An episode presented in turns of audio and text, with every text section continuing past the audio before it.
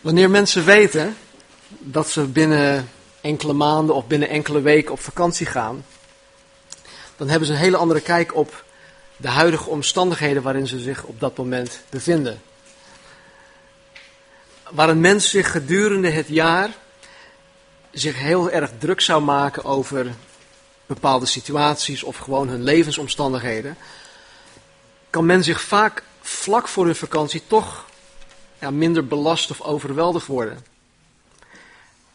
Vraag maar aan, uh, aan Bert en Thea of Stanley en Carolien hoe het met hun gaat.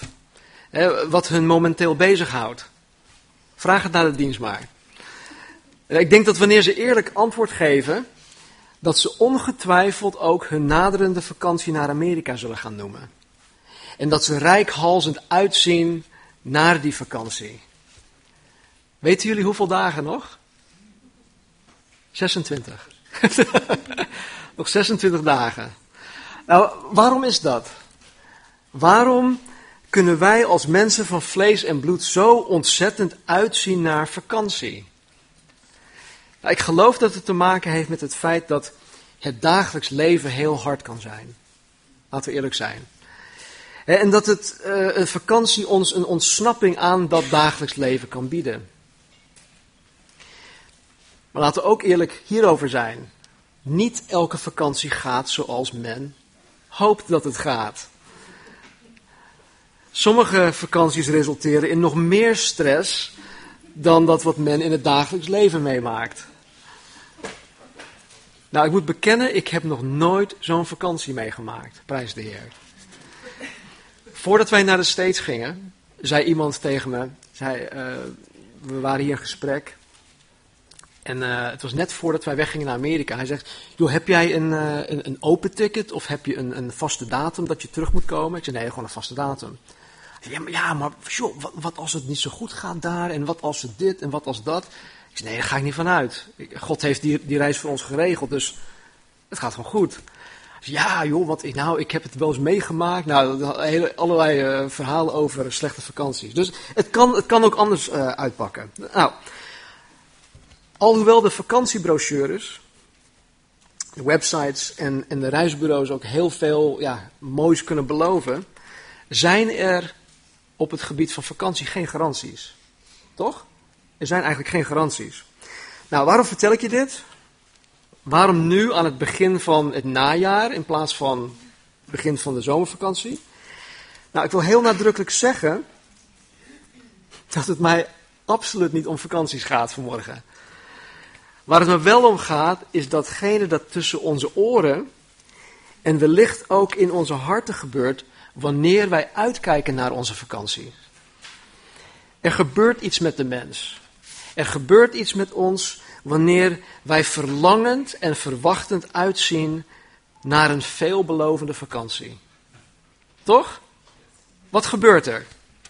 Nou, ik, ik, ik, heb, ik heb een aantal dingen zelf um, bedacht. Wanneer wij verlangend en verwachtend uitzien naar onze vakantie, dan maakt het ons dagelijks leven makkelijker om te dragen. Althans, zo ervaar ik dat. Onze problemen, onze lasten zien er minder erg uit. We krijgen de hoop op iets beters. Het geeft ons doorzettingsvermogen. Het helpt ons om te volharden. En we denken van, oh, nog eventjes. En, dan gaan we. Vraag straks maar aan Stan en Caroline en, en aan Bert en Thea. Nog eventjes. En dan gaan we. Deze dingen gebeuren trouwens niet alleen wanneer we bijna op vakantie gaan. Ze gebeuren sowieso wanneer men een mooi, een beter of een veelbelovend vooruitzicht heeft. En daar wil ik het vanmorgen over hebben. Daar wil ik vanmorgen naar kijken. Het vooruitzicht van de christen het toekomstbeeld van de christen. Nou, we zijn met het vieren van Heilig Avondmaal in augustus begonnen met het behandelen van de ik ben uitspraken van Jezus Christus. En in die ik ben uitspraken um, laat Jezus ons verschillende aspecten van zijn, van zijn um, ja, zijn persoonlijkheid zien, maar wie hij eigenlijk is. In hoofdstuk 6 eh, zegt Jezus, ik ben het brood des levens. Johannes trouwens. In Johannes hoofdstuk 8 zegt hij, ik ben het licht der wereld. In hoofdstuk 10, ik ben de deur en ik ben de goede herder. In hoofdstuk 11 zegt hij, ik ben de opstanding en het leven. In hoofdstuk 14 zegt hij, ik ben de weg, ik ben de waarheid en het leven. En in hoofdstuk 15 zegt Jezus, ik ben de ware wijnstok.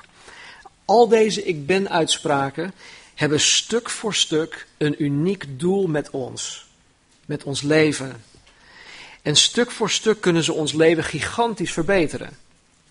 Nou, we hebben tot nu toe gekeken naar de eerste van deze zeven uitspraken. En de eerste is, ik ben het brood des levens. In de eerste twee studies hebben we gekeken naar um, hoe Jezus ons leven hier en nu radicaal kan verbeteren. Eh, hoe het brood des levens ons hier op aarde kan vervullen. Dat, we, dat waren de eerste twee, dus in augustus en september. Vandaag gaan we verder met het brood des levens. Maar we gaan ook verder kijken dan alleen het leven hier op aarde. Dus laten we onze Bijbels openslaan op Johannes hoofdstuk 6. Johannes geeft in, of uh, Jezus geeft in Johannes 6 een, een, een toespraak. En in deze toespraak geeft Jezus ons inzicht tot waar het leven uiteindelijk allemaal om draait. Ik denk dat wij, voordat wij tot geloof kwamen, allemaal wel een idee hadden van over het leven, hè, waar, waar het om draaide. Misschien hebben we nu nog steeds bepaalde ideeën over waar het leven om draait. Maar Jezus heeft ook zijn idee. Hij heeft het idee. En waar het leven om draait, zal, zal, zal, zal Jezus ja, voor ons duidelijk maken in Johannes hoofdstuk 6. Nou, mocht je vanmorgen met de vraag zitten, waar het leven allemaal om draait, dan zal je vanmorgen ook het antwoord krijgen. Want het staat hier heel duidelijk geschreven.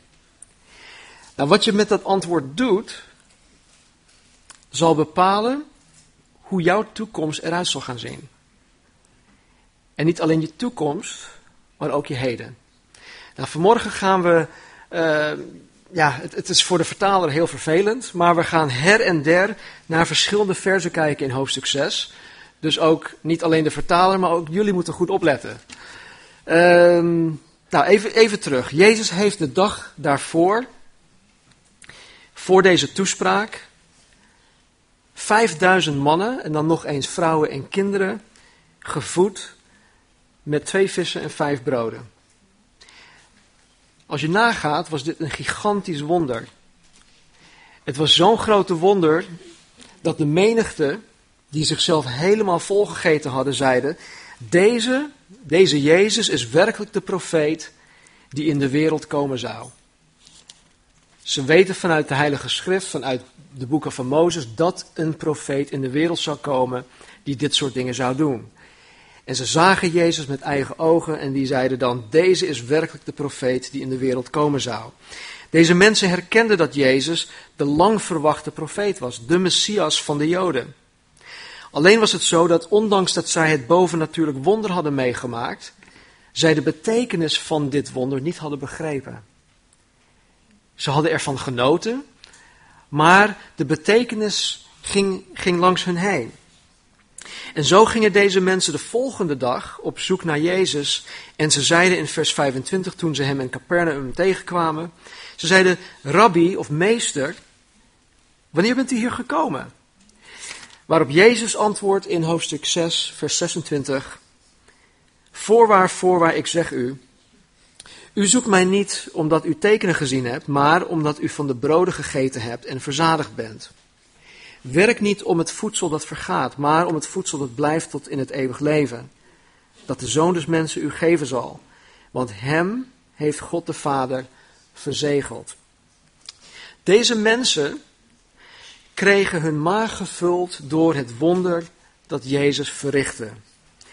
En ze dachten dat Jezus, ja, hun lang verwachte Messias, hun zou kunnen verlossen, onder andere kunnen verlossen, van te hoeven werken om hun brood te verdienen.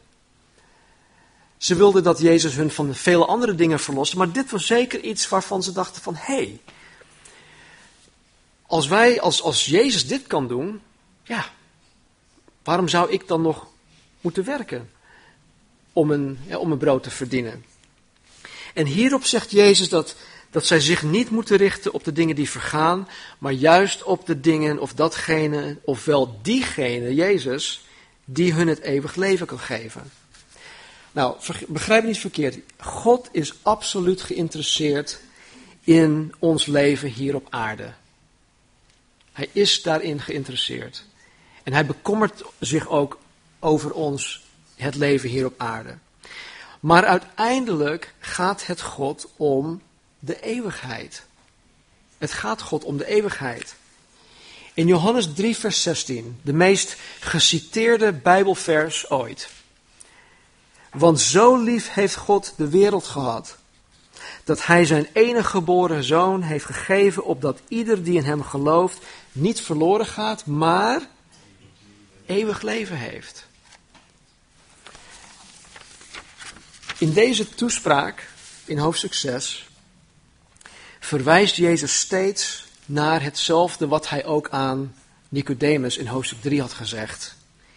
In hoofdstuk 6, vers 40 zegt hij dit. Dit is de wil van Hem, dus van God de Vader die mij gezonden heeft, dat ieder die de Zoon aanschouwt en in Hem gelooft, het eeuwig leven heeft. Even verderop, vers 47. Voorwaar, voorwaar, ik zeg u, wie in mij gelooft, heeft het eeuwige leven. Vers 54. Wie mijn vlees eet en mijn bloed drinkt, heeft het eeuwige leven. Met andere woorden, vers 54. Wie het offer van Jezus Christus aan het kruis aanvaardt, wie zich verlustigt in het offer eh, van het nieuwe verbond door zijn bloed, die heeft het eeuwig leven. Nou, misschien heb je zoiets van, maar Stan, ik wil helemaal niet voor eeuwig leven. Ik vind het leven hier op aarde al lang genoeg duren, zoals het nu gaat. Nou, dat is een hele terechte opmerking. Zo, zo dacht ik ook. Een hele terechte opmerking. Als je niet begrijpt wat het eeuwig leven inhoudt. Want weet je, ik, ik zou ook niet voor eeuwig onder de huidige omstandigheden willen blijven leven. En zo zeker niet in dit, ja, dit lichaam, die nu al wat slijtage begint te vertonen. Dus begrijpelijk. Maar ik geloof niet dat Jezus dat daarmee bedoelt. Want het eeuwig leven zoals God het ons in de Bijbel leert, is totaal iets anders. Nou, zonder er al te diep op in te gaan, wil ik twee dingen zeggen over het eeuwig leven. Maar twee. En dat kan nog een half uurtje duren. Twee dingetjes. Ten eerste is het eeuwig leven niet iets waar de christen op hoeft te wachten. Wij hoeven niet te wachten op iets dat in de toekomst gaat gebeuren. Het is namelijk niet zo dat wij het op een later tijdstip pas zullen verkrijgen.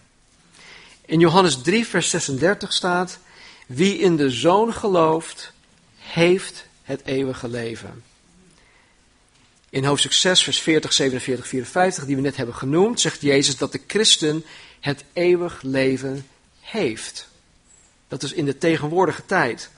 En dit betekent heel concreet dat ik als christen zijnde, jullie als christen zijnde, het eeuwig leven reeds in ons bezit hebben. Wij hebben het al. Het eeuwig leven is nu al van ons. We hebben het nu. We hebben het nu al. En het eeuwig leven dat ik reeds in mijn bezit heb is dit. In Johannes 17 in het hoge priestelijk gebed bad Jezus tot de Vader en hij zei dit. En dit is het eeuwige leven, dat zij u kennen, de enige waarachtige God en Jezus Christus die u gezonden hebt. Het eeuwig leven dat ik nu, dat wij nu als christen reeds hebben, is dat ik, dat wij God de Vader en Jezus Christus persoonlijk mogen kennen. Wij, wij, wij mogen Hem kennen. Hij wil gekend worden door ons. Het, het kennen van God, het kennen van Jezus, spreekt van relatie. Marnie, mijn vrouw, die, ehm, die heeft de konijn van onze dochter Kendall geadopteerd. Kendall die wilde jaren geleden een konijn en die hadden we als zo'n klein beestje hadden we gekocht. En eh, nou, uiteindelijk heeft Marnie hem geadopteerd als moeder. En uh, Kendall zegt nee, je bent de oma van de konijn, maar goed, dat is een ander verhaal. Maar Marnie, Marnie brengt best wel veel tijd door met die konijn. Ze zorgt voor dat beestje, ze, geeft hem water, eten en ze laat hem uit de kooi en die speelt. En, en het konijn is heel speels, die speelt, die springt op de schoot, die, die likt je gezicht zelfs en zo. Dus um, omdat, omdat Marnie dus zoveel tijd met dat beestje besteedt, kent ze hem ook. Ze zegt van, uh, ja kijk, zie wat hij doet, dat, dat, betekent dit. Ja, sure, uh, dierentolk of zo dus wij hebben, wij hebben gewoon het idee van, ja, Marnie, Marnie die, die, die klets maar wat. Maar weet je, ze heeft gelijk. Want al die, die persoonlijke dingen van, van, van, van heet hij, van Wiebe, die kent zij. Maar, ze heeft, dus, maar dat, dat kan niet zonder een relatie met dat beestje opgebouwd te hebben. En dat, ja, Wiebe die voelt ook aan, hè, wanneer Marnie de, de, achtertuin binnenkomt, nou, dan springt hij en dan, komt hij tot leven. En als, als ik buiten kom, dan is het wat minder. Als Kendall buiten komt, dan, dan rent hij zijn kooi weer in. maar het is, dus het heeft met relatie te maken. Dus als ik iemand wil leren kennen, dan moet ik een relatie met die persoon uh, gaan, gaan opbouwen. Dus het kennen van God de Vader, het kennen van Jezus spreekt van relatie. En door mijn geloof in Jezus Christus is het mij mogelijk gemaakt om een persoonlijke relatie met God te hebben. En weet je, dit kan nu al. Ik hoef niet te wachten totdat ik in de hemel kom en dat ik mezelf dan voorstel van, hallo, ik ben Stan Marinissen. Aangenaam. En dat je hem dan pas gaat leren kennen. Het kan nu al in het leven hier op aarde. Het eeuwig leven, het kennen van God de Vader, is niet alleen uh, eindeloos, maar het is een ander soort leven. Het is een ander soort leven hier op aarde. In dit eeuwig leven heb ik intieme, vertrouwelijke omgang met God. God vertrouwt mij dingen toe. En hij leert mij om op Hem te vertrouwen de voldoening, de vervulling waar ik de vorige keren heb over gehad. Dat maakt ook deel uit van dit eeuwig leven. Kortom, het eeuwig leven waar ik nu al over beschik, is bovennatuurlijk. De mensen die God niet kennen, die mogen hier ook niet van genieten. Wij zijn bevoorrecht. En weet je, ik geloof dat de ongelovige mensen om ons heen echt gewoon jaloers moeten zijn op wat wij van God gekregen hebben. Zo jaloers zelfs dat zij het ook willen hebben. En wij moeten hun gewoon jaloers maken. Dus laten we deze week ook de wereld ingaan en mensen jaloers maken over wat God ons gegeven heeft. Het is van een hemelse kwaliteit. Het is een leven waarin God zich tot in de kleinste detail van mijn leven geïnteresseerd is. En al het mooie, al het geweldige, al het fantastische dat wij in dit eeuwig leven hier op aarde mogen beleven, is slechts een, een voorproefje van wat ons te wachten staat. Want, ten tweede, is het eeuwig leven ook voor eeuwig. Het is voor altijd. Het, het is. Um, het is voor altijd. Het is eindeloos, dat wil ik zeggen. Het is eindeloos. En nogmaals, niet een eindeloos leven zoals wij uh, het hier op aarde kennen, maar een eindeloos leven in hemelse glorie, in hemelse heerlijkheid. Johannes de schrijver van het boek Openbaring geeft ons een kijkje in onze toekomst. Dan wil ik, uh, laten we onze Bijbels openslaan op uh, Openbaring hoofdstuk 21. Laatste boek in de Bijbel. Openbaring hoofdstuk 21. Johannes schrijft, hij zegt, ik zag een nieuwe hemel en een nieuwe aarde. Want de eerste hemel en de eerste aarde waren voorbij gegaan. En de zee was er niet meer. En ik, Johannes, zag de heilige stad, het nieuwe Jeruzalem, neerdalen van God uit de hemel. Gereed gemaakt als een bruid die voor haar man sierlijk gemaakt is. En ik hoorde een luide stem vanuit de hemel zeggen: Zie, de tent van God is bij de mensen, en hij zal bij hen wonen. En ze zullen zijn volk zijn, en God zelf zal bij hen zijn en hun God zijn.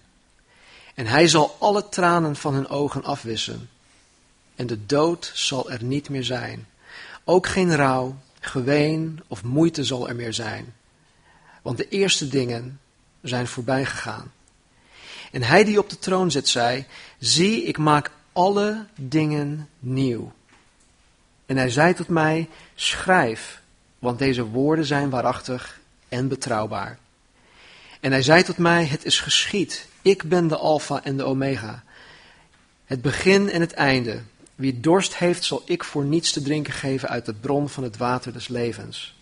Wie overwint, zal alles beërven. En ik zal voor hem een God zijn en hij zal voor mij een zoon zijn. Maar wat betreft de lafhartigen, de trouwelozen, de verdorvenen, de moordenaars, hen die hoererij bedrijven, de tovenaars, de afgodendienaars en alle bedriegers, hun deel is in de poel die van vuur en zwavel brandt. Dit is de tweede dood. En tot mij kwam een van de zeven engelen die de zeven schalen hadden, vol van de zeven, vol van de zeven laatste plagen. En hij sprak tot mij en zei, kom mee. Ik zal u de bruid, de vrouw van het lam laten zien. En hij voerde mij weg in de geest op een grote en hoge berg en toonde mij de grote stad, het heilige Jeruzalem, die neerdaalde uit de hemel van God. Zij had de heerlijkheid van God en haar uitstraling was als een zeer kostbare steen, als een kristalheldere steen jaspis. Jaspis is trouwens niet helder, dat is uh, niet doorzichtig. Zij had een grote en hoge muur met twaalf poorten en bij die poorten twaalf engelen. Ook waren er namen op opgeschreven, namelijk van de twaalf stammen van de Israëlieten. Drie poorten op het oosten, drie op het noorden, drie op het zuiden, drie op het westen. En de muur van de stad had twaalf fundamenten en daarop de twaalf namen van de twaalf apostelen van het Lam. En hij die met mij sprak, had een gouden meetlat om de stad op te meten, en haar poorten en haar muur. En de stad lag daar als een vierhoek. Haar lengte was even groot als haar breedte. En hij mat de stad met een meetlat op 12.000 stadien, dat is ongeveer 2200 kilometer. Haar lengte, breedte en hoogte zijn gelijk. En hij mat haar muur op, 144 L, ongeveer 64 meter. Een mensenmaat die ook de maat van de engel is. En het bouwmateriaal van de muur was jaspis, de stad was zuiver goud, dat leek op zuiver glas. En de fundamenten van de muur, de stad waren met allerlei kostbare gesteenten versierd. Het eerste fundament was jaspis, het tweede safir, het derde Chalcedon, het vierde smaragd, het vijfde sardonyx, het zesde sardius, het zevende chrysoliet, het achtste beryl, het negende topaas, het tiende chrysopraas, het elfde hyacint, het twaalfde amethyst. En de twaalf poorten waren twaalf parels. Elke poort apart bestond uit één parel. En de straat van de stad was zuiver goud als doorzichtig glas. Ik zag geen tempel in haar, want de Heere, de Almachtige God, is haar tempel en het lam. En de stad heeft de zon en de maan niet nodig om haar te verlichten, want de heerlijkheid van God verlicht haar. En het lam is haar lamp. En de naties die zalig worden, zullen in haar licht wandelen. En de koningen van de aarde brengen hun heerlijkheid en eer daarin. En haar poorten zullen overdag nooit gesloten worden, want daar zal geen nacht zijn. En ze zullen de heerlijkheid en de eer van de naties daarin brengen. Al wat onrein is, zal niet in haar komen. En ook niemand die zich bezighoudt met gruwel en bedrog, maar alleen zij die geschreven staan in het boek des levens van het Lam. Tot zover. Als mensen van vlees en bloed zijn wij niet in staat om nu, in dit leven, te vatten hoe het straks zal zijn. En wat hier staat. Ik heb daar absoluut geen voorstelling van. Probeer voor jezelf alleen maar of, uh, al maar voor te stellen hoe het eruit zal gaan zien. De engel met een gouden meetlat. Nou, ik ben al heel blij met mijn Stanley meetlat. Maar een gouden meetlat, dat is toch onvoorstelbaar? Twaalf poorten waarvan elke poort uit één parel bestond. Als die muur al 64 meter dik is, hoe groot zou die poort dan, dan moeten zijn? Dat zou een gigantische oester geweest zijn. Maar je kan, het, je kan het je niet voorstellen. Straten van zuiver goud als doorzichtig glas. Ik heb nooit goud gezien dat eruit ziet als doorzichtig glas. Geen zon, geen maan, maar toch schitterend van het licht. Probeer je ook voor te stellen hoe het zal zijn. In dezelfde plaats te wonen waar God woont. Geen tranen meer. Geen dood. Geen verdriet. Geen geween. Geen moeite. Geen stress. Geen drukte. Geen egoïstische mensen. Geen pubers.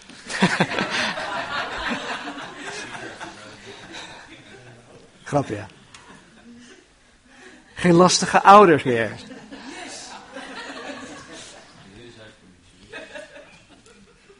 Ik kan het me haast niet, ik kan het me eigenlijk helemaal niet voorstellen.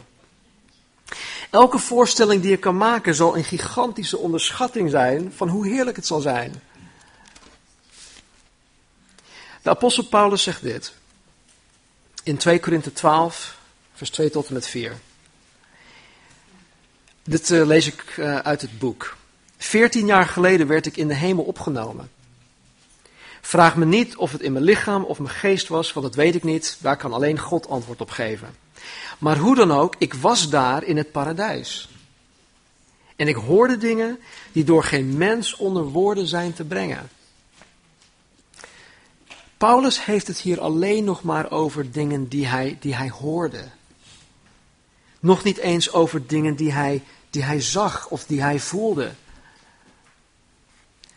Ik geloof dat onze allerbeste voorstelling van onze toekomst in Christus dubbel en dwars overtroffen zal gaan worden. In 2 Korinthe 4, vers 16 tot 18 zegt Paulus dit. Daarom geven wij het niet op. Hoewel ons lichaam zwakker wordt, wordt onze innerlijke kracht met de dag groter. Onze moeilijkheden en pijn zijn uiteindelijk niet zo groot en zullen ook niet zo lang duren. Maar het gevolg ervan is dat wij voor altijd in Gods heerlijke nabijheid zullen leven. Dus kijken wij niet naar wat zich voor onze ogen afspeelt, naar de moeilijkheden om ons heen, maar wij kijken uit naar de blijdschap die ons wacht. Al zien wij die nog niet. Alle zichtbare dingen zijn tijdelijk. Maar de dingen die nu nog niet zichtbaar zijn, zullen eeuwig blijven. Wauw. Jezus Christus zei: Ik ben het brood des levens. Wie tot mij komt, zal beslist geen honger hebben. En wie in mij gelooft, zal nooit meer dorst hebben. Wie mijn vlees eet en mijn bloed drinkt, heeft het eeuwige leven. En ik zal hem opwekken op de laatste dag. Aan het eind van zijn toespraak trokken vele van Jezus' discipelen zich terug. En er staat dat zij hem niet meer navolgden. Ze zeiden als het ware van, maar dit is veel te moeilijk. Dit, uh, dit, nee, dit trek ik niet. Veel te moeilijk, ik, ik, ik, ik ga er vandoor. Waarop Jezus op een gegeven moment ook tegen de twaalf zei: uh, Jullie willen mij toch ook niet verlaten? Iedereen ging weg. De hele menigte die, die hij de dag daarvoor gevoed had. Ze hadden wonderen en tekenen gezien. Hij had hun uitgelegd dat het om het eeuwig leven gaat. En ze vertrekken. En dan zegt hij tot zijn harde kern, zijn inner circle, de twaalf, jullie willen mij toch ook niet verlaten? En waarop Petrus het allermooiste antwoord geeft dat hij waarschijnlijk ooit heeft gegeven. Hij zegt dit. Heren, naar wie zullen wij heen gaan?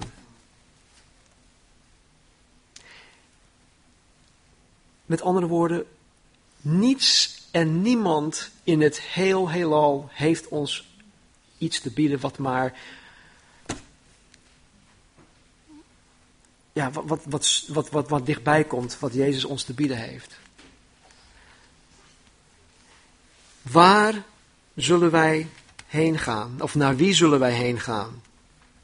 U hebt de woorden van het eeuwige leven en wij hebben geloofd en erkend dat u de Christus bent, de Zoon van de levende God. Wij hebben een heel mooi toekomstperspectief. En weet je, ik, ik moest daar de afgelopen weken, afgelopen maanden, ik, ik, ik moest daar gewoon aan herinnerd worden. Want soms kun je zo uh, belast worden met de, de, de dingen van het dagelijks leven, maar ook dingen die, in je, die om je heen gebeuren. En ik las van de week een, een e-mailtje van een vriend. Ik vroeg hoe het met hem ging. En wat hij zei was dit. Hij zegt, het gaat geweldig met mij. Ik heb eeuwig leven. Maar de dingen die, die mij nu overkomen, ja, die zijn wel vervelend. Maar het gaat geweldig, want ik heb eeuwig leven. Weet je, dingen die ons irriteren. Ik begin het leven hier op aarde eigenlijk uh, meer te gaan zien als een, een steentje in je schoen. Heb je dat ooit gehad, een steentje in je schoen? Nou, dat, is, dat irriteert mij mateloos. Ik kom uiteindelijk wel waar ik komen wil, maar ja, oh man. Zelfs een pluisje in mijn sok, dat, dat, dat vind ik irritant. Maar weet je, een zandkorrel in de schelp van een oester, dat, dat, is, dat is ook een irritant. Het irriteert de oester. En wat doet hij? Hij, slijpt, hij, hij haalt daar slijm omheen en door dat zandkorreltje wordt een parel gevormd. Dus door de dingen die, die ons ja, in dit leven irriteren, kan iets heel moois uitkomen. En niet alleen in ons leven hier, maar het allermooiste dat wij als gelovigen hebben is ons toekomstperspectief, ons toekomstbeeld. Ons toekomstbeeld. Dus wat wij ook meemaken in het leven, zegt Paulus, het weegt niet op tegen de heerlijkheid die ons te wachten staat. Dus daarom zeg ik vanmorgen, mensen, ik heb heel goed nieuws. Ik ben er zelf echt van overtuigd. En ik kan niet wachten tot op het moment dat of Jezus de gemeente opneemt, of dat ik mijn ogen hier sluit, want dan ben ik in de heerlijkheid. Alle dingen die de wereld ons heeft te bieden. Dat is zo. Um, ja, het is zo nep, het is zo'n leugen. We, we baden vanmorgen in die, in die andere ruimte. En volgens mij uh, zei Ricky iets over een beerput. In Amerika had mijn, had mijn vader uh, een huis gekocht. En uh, we hadden een zwembad in laten bouwen. Dus dan komen ze met zo'n shovel en met andere dingen. Een heel groot gat gegraven. En wat blijkt, er was zo'n zo'n cesspool. Heet dat een beerput? Septic tank, ja, septic tank. Nou, dat, dat, dat stond er al uh, misschien 40 jaar of zo. Helemaal van steen gemaakt en dat was super diep. Dus onze toilet, uh, alles was niet aangesloten op, op uh, de riolering. Het, was, het ging allemaal die put in. Nou, het leven hier op aarde, alles dat de wereld ons te bieden heeft, is vergelijkbaar aan die put. Als je dat vergelijkt met de heerlijkheid die ons te wachten staat. Als de Heilige Geest vanmorgen door het woord tot je gesproken heeft, wil ik je uitdagen om een ander perspectief te krijgen op het leven. Misschien ben je bezwaard, misschien ben je echt belast met de zorgen en, en dat soort dingen van het leven. Ik wil je uitdagen, ik wil je uitnodigen om zometeen ook het heilige avondmaal te nuttigen. En dat Jezus Christus ons een eeuwige blik zal geven. Ogen die gericht zijn op de eeuwigheid. Jezus zegt: Kom en eet. Wie mijn vlees eet, mijn bloed drinkt, heeft het eeuwige leven. En dat betekent niet dat wij letterlijk zijn vlees moeten eten en zijn bloed drinken, maar het offer die hij gegeven heeft, dat wij dat met beide armen omhelzen en tot ons nemen.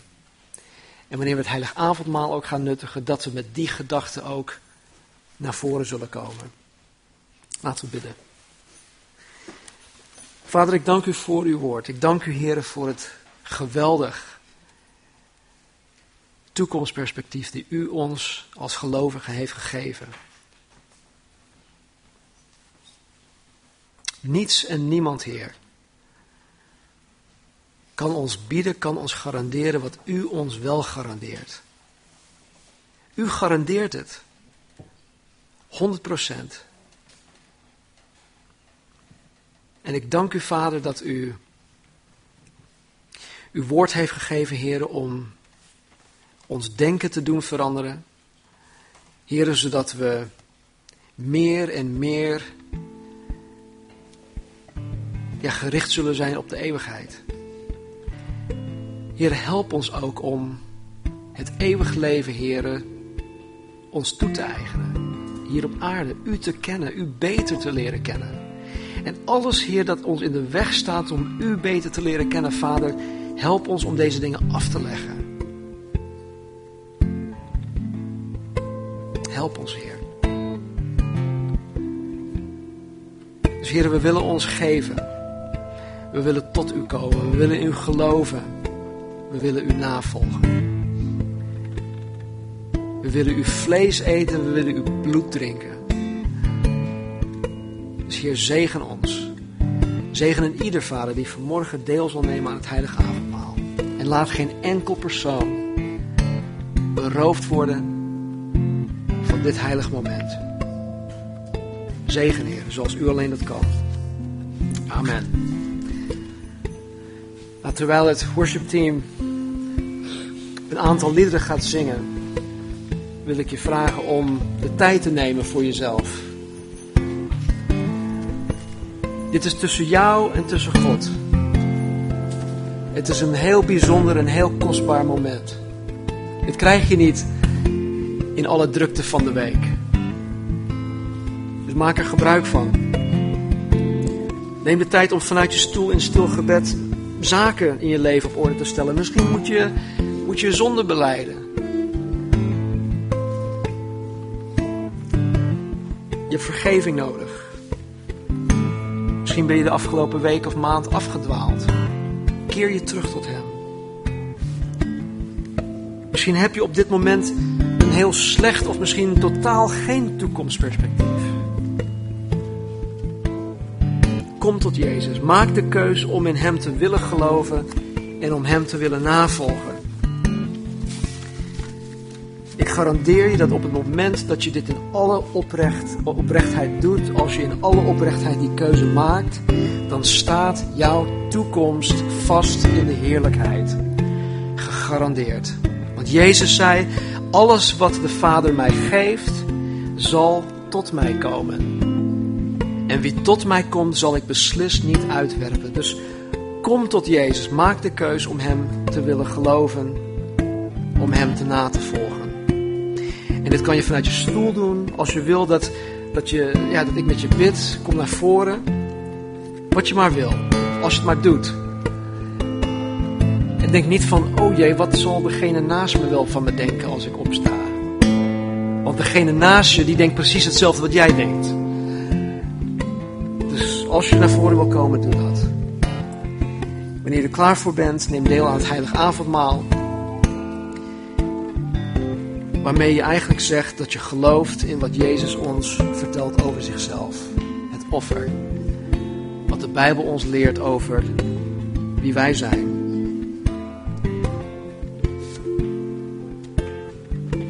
Dus kom. Ik wil je hiermee zegenen. Romeinen 8, vers 18. Paulus zegt: Ik ben ervan overtuigd dat het lijden van de tegenwoordige tijd niet opweegt tegen de heerlijkheid die aan ons geopenbaard zal worden. Het is zo ontzettend mooi om te beseffen, om de zekerheid te hebben dat ons zoiets moois te wachten staat. Het zal je hele blik op het leven, je de hele kijk op het leven, het zal het veranderen. Net alsof je op vakantie gaat. Nog beter zelfs. Miljoenen malen beter. Het zal je de kracht geven om te volharden. Het zal je de moed geven. Het zal je ook de mogelijkheid geven, het zal je ertoe in staat stellen om dingen niet zo, ja, zo vast te houden.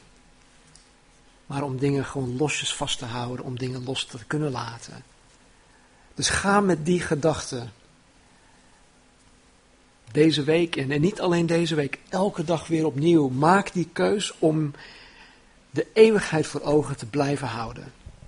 Het zal je leven veranderen. Dus wees daarin gezegend. Wees daarin bemoedigd. Bemoedig elkaar ook daarin. We hebben het keihard nodig.